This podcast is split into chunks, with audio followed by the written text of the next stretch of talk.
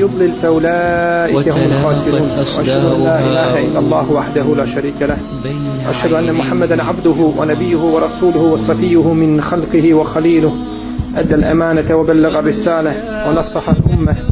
وكشف الله تعالى به الغمة. وجاهد في الله حق جهاده حتى أتاه اليقين. يا أيها الذين آمنوا اتقوا الله حق تقاته ولا تموتن إلا وأنتم مسلمون. يا أيها الناس اتقوا ربكم الذي خلقكم من نفس واحدة وخلق منها زوجها وبث منهما رجالا كثيرا ونساء واتقوا الله الذي تساءلون به والأرحام إن الله كان عليكم رقيبا يا أيها الذين آمنوا اتقوا الله وقولوا قولا سديدا يصلح لكم أعمالكم ويغفر لكم ذنوبكم ومن يطع الله ورسوله فقد فاز فوزا عظيما أما بعد فإن أحسن الكلام كلام الله وخل الهدي هدي محمد صلى الله عليه وسلم وشر الأمور محدثاتها وكل محدثة بدعة وكل بدعة ضلالة وكل ضلالة في النار Draga moja braćo, objavio je naš uzvišeni gospodar Tebarak je Teala u svojoj časnoj knjizi koja će se učiti do sudnjega dana لقد أنزلنا إليكم كتابا فيه ذكركم أفلا تعقلون i mi smo vama o muslimani i mi smo vama o vjernici objavili knjigu u kojoj je vaš ponos zar nećete svojoj pameti doći zar nećete razmisliti o knjizi koja vam je objavljena zar nećete iz te knjige pouke uzimati zar nećete tu knjigu za svoj životni put uzeti kazao je naš gospodar Tebarake wa ta'ala إن هذا القرآن يهدي للتي هي أقوم ويبشر المؤمنين الذين يعملون الصالحات uistinu ovaj Kur'an upućuje čovjeka ka onome što je najbolje, ka onome što je najvrijednije, ka onome što je najispravnije. Ovaj Kur'an upućuje čovječanstvo ka onome što je najvrijednije, a to su Allahovi tebarake o teala dženneti. Najvrijednije što može biti jeste džennet. I Kur'an Allahov tebarake o teala upućuje ljude ka džennetu. Zato je poslanik sallallahu alejhi ve rekao u jednom hadisu: Ko učini Kur'an ispred sebe i koga učini svojom vodiljom, on će ga voditi u džennet. A ko učini Kur'an iza svojih leđa i ko ne bude radio po Kur'anu, ko ne bude ga čitao i o njegovim porukama razmišljao, taj će ga isti Kur'an u vatru džehennemsku baciti. To je ono što su shvatili ashabi poslanika sallallahu alejhi ve selleme. Pogledajte samo priču koju je zabilježio Imam Buhari u svom sahihu od Abdullaha ibn Am, od Abdullaha ibn Amra ibn Lasa da je kazao: "Oženio me je moj otac sa djevojkom koja je bila lijepa i ugledna." Pa je došao kod svoje snahe i upitao je Moj sin, kakav ti je muž? Pa je kazala dobar je on čovjek svome gospodaru. A što se mi tiče mene on kao da mi nije muž. Još mi nije nikako prišao. Nemam ja sa njim nikakvog kontakta. Pa je sreo Amr ibn As poslanika sallallahu alaihi wasallam pa mu je to ispričao. Pa je rekao poslanik sallallahu alaihi selleme dovedi mi ga. Pa je došao Abdullah ibn Amr ibn As radijallahu ta'ala anhuma kod poslanika sallallahu alaihi wa sallam pa mu je rekao O Abdullah kako učiš Kur'an? Kaže učim ga o Allahu poslaniče svako veče. Svako veče proučim od Kur'an. To jeste ono što je bilo objavljeno od Kur'ana u to vrijeme. Pa je kazao poslanik sallallahu alejhi ve a kako postiš kaže postim svaki dan svaki dan o Allahu poslanice pa je kazao poslanik sallallahu alejhi ve selleme nemoj tako činiti posti svakog mjeseca tri dana. I uči Kur'an u mjesec dana. Pa je kazao o Allahu poslaniće, tako mi onoga koji te je poslao sa istinom ja mogu više od toga. Pa kaže posti sedmično tri dana. Pa kaže o Allahu poslaniće, mogu više od toga. Kaže posti dan i prekidaj dan. To je najbolji post post Davuda alaihissalam i nemoj učiti Kur'an za manje od sedam dana. Pa kad je ostario ono, kazao je, kamo sreće da sam prihvatio olakšicu poslanika sallallahu alaihi wasallam. Sad više ne mogu činiti ono naš, čime me obavezao Allahov poslanik. I vosijet koji mi je ostavio oporuku koju mi je ostavio ja ne mogu više ispuniti. Pa moram kaže da bi pročitao Kur'an za sedam dana kaže moram ovaj prekinuti post ne mogu nikako postiti. Kaže kamo sreće da sam prihvatio olakšicu poslanika sallallahu alaihi wa sallam pogledajte ashabe pogledajte ljude koji su razumjeli šta je Kur'an oženio se sa ženom uglednom i lijepom i djevicom i sve mu to spriječava da priđe svojoj ženi. Šta mu spriječava da priđe svojoj ženi? Kur'an i post i badet Allahu te barake otala jer su znali da je ponos muslimana i ponos vjernika da je u Kur'anu Allahovom azza wa džel Kur'an knjiga kojom Allah te barake otala uzdiže jedne ljude a spusta druge ljude bileži imam muslim u svome sahihu Ibn Hibban također u svome sahihu od Ebu Amira Ebu Tufejla Amira ibn Vasile da je rekao sreo je Omer ibn al-Khattab radijallahu ta'ala anhu Nafi'u ibn Abdil Haris. Sreo ga je u Osfanu pa ga je upitao a on je bio njegov namjesnik. Nafija je bio Omerov namjesnik u Mekki pa ga je upitao koga si ti učinio za svoga pomoćnika i koga si postavio za svoga pomoćnika u Mekki? Kaže postavio sam Ibnu Ebza. Kaže a ko je to Ibnu Ebza? Kaže to je jedan kaže Meula minel mevali. U arapskom jeziku Meula minel mevali znači da je čovjek ili sluga ili onaj ko prati nekoga ili je uglavnom je čovjek koji je nižeg društvenog sloja od običnih ljudi naročito Kurejšija. Pa kaže Omer radijallahu ta'ala anhu postavio si za namjesnika čovjeka koji je nižeg staleža meula koji je sluga nekoga kaže jeste o vladaru pravovjernih ja sam kaže njega vidio da uči Kur'an i da čita Kur'an.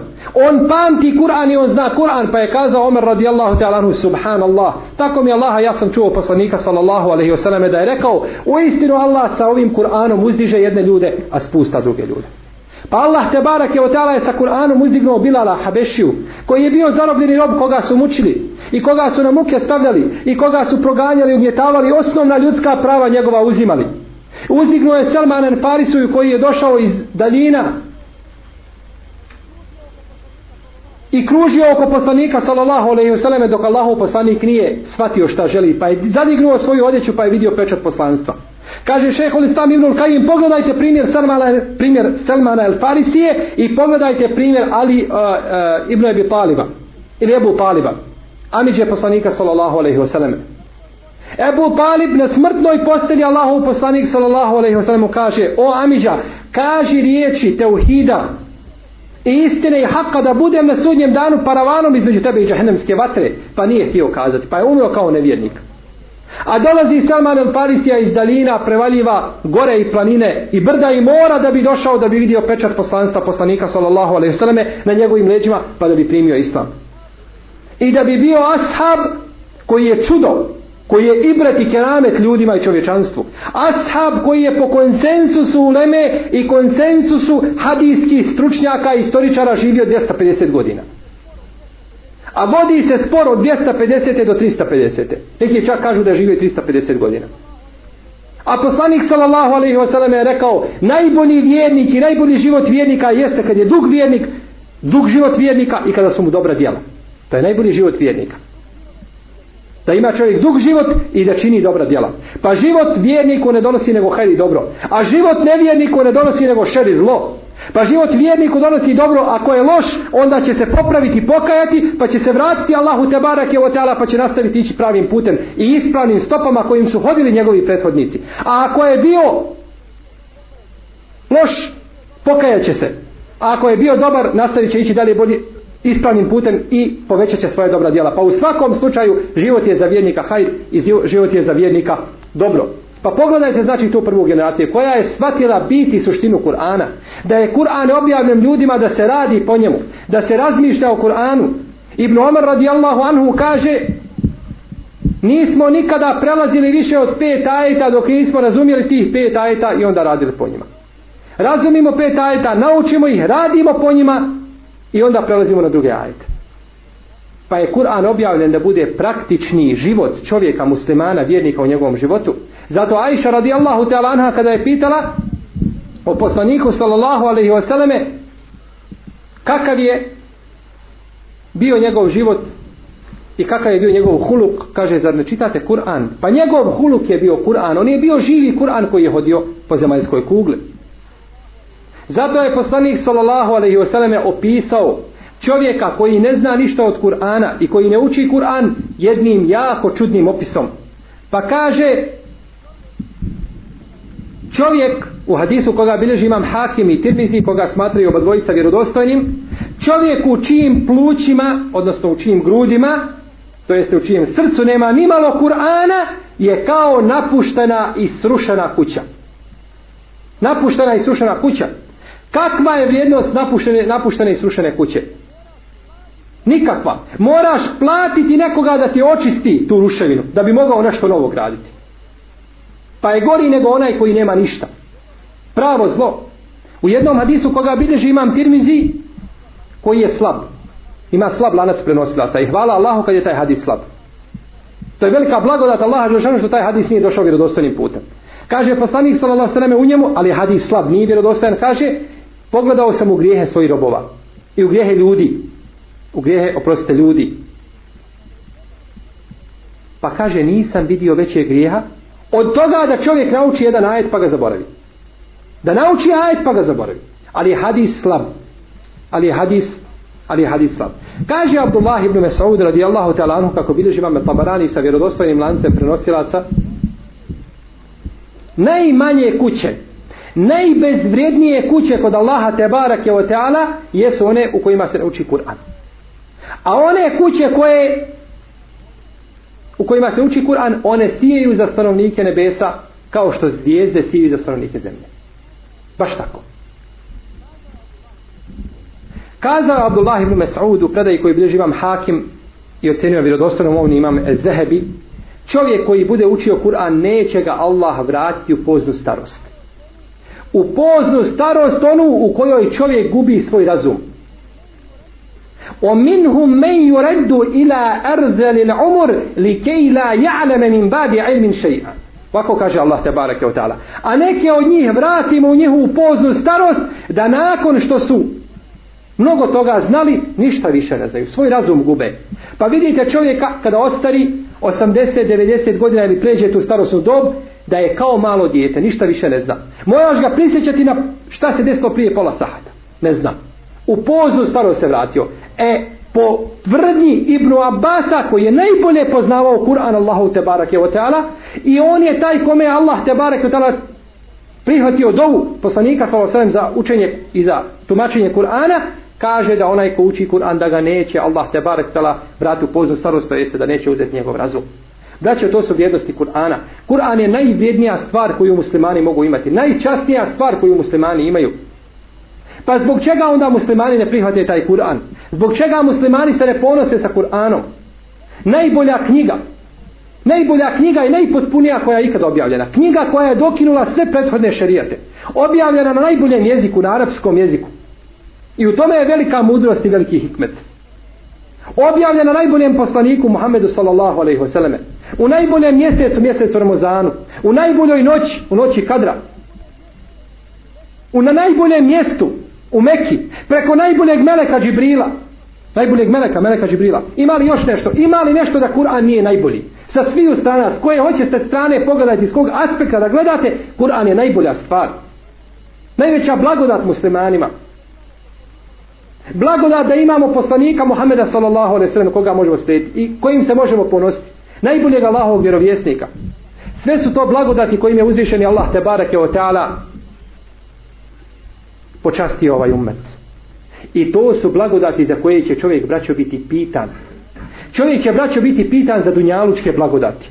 Thumme letus elunne jeume idin ani naim i vi ćete sigurno, sigurno, bez sumnje ikakve toga dana za blagodati kojim ste obskrbljeni biti pitati.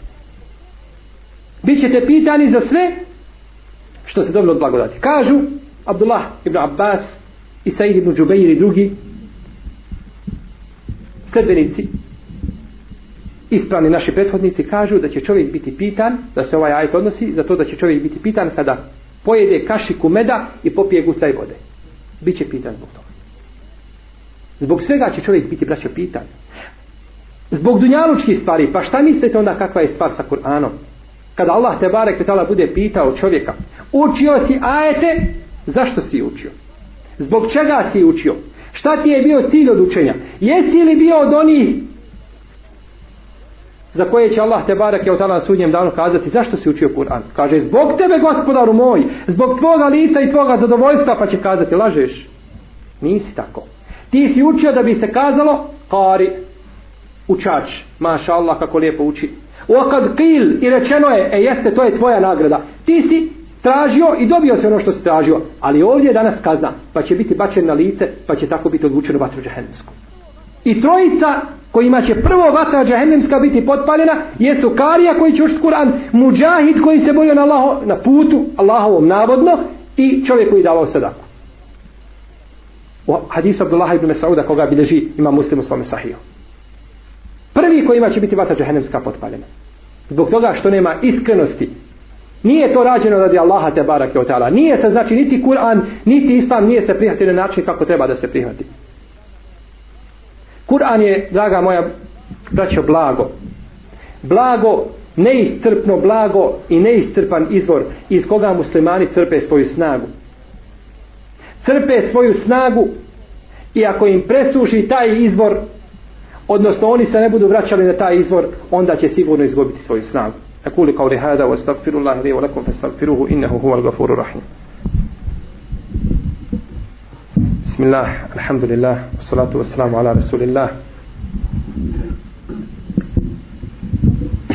Prije nego što počnemo sa drugim dijelom naše hutbe, samo da napomenem riječi koje ste čuli, ekul qawli hada wa istagfirullah, što se često čuje od imama na hutbama da se kaže, to nije bio stalni sunet poslanika sallallahu alaihi wasallam. Došao je jedan hadis u tome smislu, bilježi ga ima Hibban u svome sahihu, da je to poslanik rekao jedan put, a ostavio je to mnogo puta i to nije rekao to na džumanskoj hutbi, nego je to rekao na nekom drugom mjestu.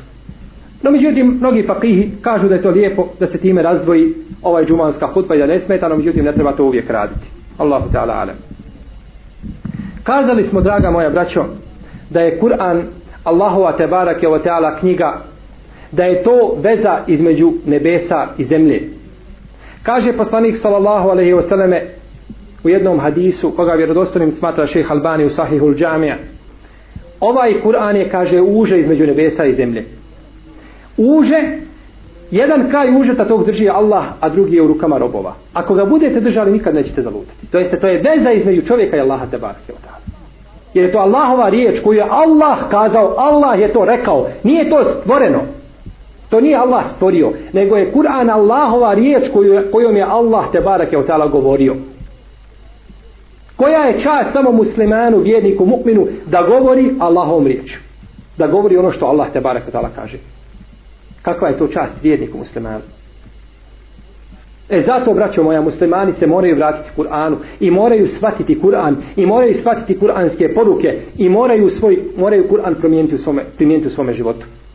Pa će onda biti kao njihovi prethodnici. Mi dosta puta pitamo se kakav je izlaz iz situacije u kojoj se nalazimo. Muslimani su ugnjetavani, proganjani, obespravljeni, nemaju ni... Muslimanska krv nema nikakve vrijednosti. Muslimana mogu ubiti gdje hoće, muslimanku mogu silovati kako hoće i gdje hoće, niko se neće za to upitati. Nikoga to ne zanima. Zbog čega? Braćo moja, kada jedan narod ostavi Allahovu knjigu, onda će biti ponižen bez obzira gdje živio i ko bio i kako bio. Taman među njima bilo i dobri. Poslanik sallallahu alejhi ve sellem je rekao "Bićete uništeni. Približilo se veliko zlo. Pa je kazala Ajša, o Allahu poslaniče, zar ćemo biti uništeni, a među nama ima dobrih, kaže, jeste. I da kefur el habet, kad se kaže pokva, kad se poveća ono zlo i ona nevaljavština i prljavština, onda ćete, kaže, biti uništeni. Koliko danas muslimana procentualno klanja? To mi je dovoljno. Na osnovu toga, analogiju idite po svim šerijetskim i temeljnim obredima, pa vidite koliko muslimana praktikuje dini vjeru. I onda neće nimalo biti čudno što se muslimani nalaze u ovakvoj situaciji. U arapskom svijetu kada prođete pored neke kuće i čujete da se uči Kur'an, odmah slobodno svrate, pokusajte na vrata i tražite domaćina i pružite mu ruku, kažete moje saučešće za toga što ste izgubili nekoga od vaših najdržih. Jer uče Kur'an samo mrtvima. Kada mrtvi umre, onda se pusti Kur'an da se uči mrtvima. Kur'an nije objavljen zbog mrtvoga. Kur'an je objavljen zbog živoga, da se živo muči, da ga živi i primjeni u svome životu. To je Kur'an, zato je Kur'an objavljen. Mi učimo Kur'an mrtvima. Učimo suru Jasin mrtvima. Allah te barak je u suri Jasin kaže li unzire men kjane hajja da opomene onoga koje živi. A mi ga učimo mrtvima. Pa ta ista sura kaže, kao da kaže u ljudi, nije to zato što vi to primijenite, to je znači za nešto drugo, to je za živoga. Jer se u Koranu spominje post, hađ, zekijat, dobročinstvo, džihad, sadaka. Ko to radi? Živi ili mrtvi? Ž mrtvi izlazi iz groba, iz kabura, iz mezara i bori se na Allahom putu? Je to živi radi? To je Allahova te barek je od riječ živima. Da opomene čovjeka dok je živ. E onda kada ode na sudnji dan, e onda ima ono što je odnio sa sobom. وَلَيْسَ لِلْإِنسَانِ إِلَّا مَا سَعَ A čovjeku ne pripada nego ono samo što je učinio. Šta je on svojim rukama napravio, tomu pripada. I ono što je došlo u hadisima poslanika sallallahu sallam da se može uraditi za mrtvog. Bilješ ima Mahmed u svome dijelu Ez-Zuhd od Ebu Darda radijallahu ta'ala anhe kada su muslimani ušli na Kipar i oslobodili Kipar od širka i kufra i nevjerstva izdvojio se Ebu Darda u stranu i počeo plakati Pa su mu kazali, o Ebu Derda, o ashabu poslanika sallallahu alaihi sallam, zar plaćeš u danu kada je Allah Đelešanu pokazao istinu i izvisio istanu, istinu iznad kufra i laži i nevjerstva, danas plaćeš, pa danas se trebaš veseliti. Pa je kazao, plaćem, ovaj narod koga smo mi porazili, je, kaže, bio ohol, bili su veliki i silni, Dunjalu ga se bojao. No, međutim, kada su ostavili i odbili Allahu knjigu, Allah ga je ponizio. Tako Allah, braću, radi sa svakim, a taman mu bilo ime Muhammed ibn Abdillah. Ne, kod Allaha imena ne znači ništa. Ni to što je djed bio musliman, to ne znači ništa. Znači kakav si ti i šta radiš. E zato muslimane ne smije zavarati što je nekad možda na prostorima Balkana ili Evrope nije bitno općenito, negdje nekad možda bio islam kako treba i tako dalje, ako je bio muslimani se moraju danas vratiti ispravnom islamu. I zato će Allah te barak je otala svakog čovjeka obračunavati pona osob šta je učinio za vjeru. Koliko si bio u mogućnosti i šta si učinio za vjeru. Koliko si znao od Kur'ana i koliko si toga primijenio u praksu. E zato će čovjek biti pitan. E kada to muslimani svate i kada svate da je njihov ponos u Kur'anu i u vraćanju istinskom Kur'anu, e onda će Allah te barek tala promijeniti situaciju. Promijenit će situaciju kada ljudi promijenu ono što je u njihovim grudima a drugačije nema promjene situacije. Pogledajte vrijeme poslanika sallallahu alejhi ve sellem ashaba. Kako je dolazila promjena? Kako je dolazila promjena? Propis po propis, stepen po stepen, ide se uvijek napred. Muslimani kada ih nešto pritisne, prihvate se Allahove dželevala vjere. Kada ih popusti i oni popuste, kao da trguju sa Allahom. Kao da kaže Allahu daj ti meni toliko pa ću ja tebi toliko. Zbog čega muslimane vidite u Ramazanu u džamijama? Ramazan puna džamije. 27. noć puna džamija, cijelo noć je puna džamija. 28. noć nema nikoga. Zašto? Zato što je 27. noć je noć Lejletul Kadra. Po mišljenju nekih učenjaka. Iako je ispravno mišljenje da se ne zna kada je noć Lejletul Kadra ispravno. Ljudi kao da trguju. Za 27. noć dođe tada i moli se Allahu te barake od tala. Allah koji je gospodar Ramazana i 27. noći, on je gospodar svih drugih noći u godini dana pa mu se treba moliti i treba od njega oprosta tražiti i treba ga za uputu moliti ne bi li se smilovao njemu koji traži i umetu ome koji je zaista potreban u ovim danima Allahove te barake o tala milosti molim Allah te barake da nas uputi na pravi put da popravi naša stanja i stanja muslimana اللهم اغفر لنا ذنوبنا وإسرافنا في أمرنا وثبت أقدامنا وانصرنا على القوم الكافرين اللهم لا تجعل الدنيا أكبر همنا ولا مبلغ علمنا ولا تسلط علينا بذنوبنا من لا يخافك فينا ولا يرحمنا اللهم آت نفوسنا تقواها وزكيها أنت خير من زكاها أنت وليها مولاها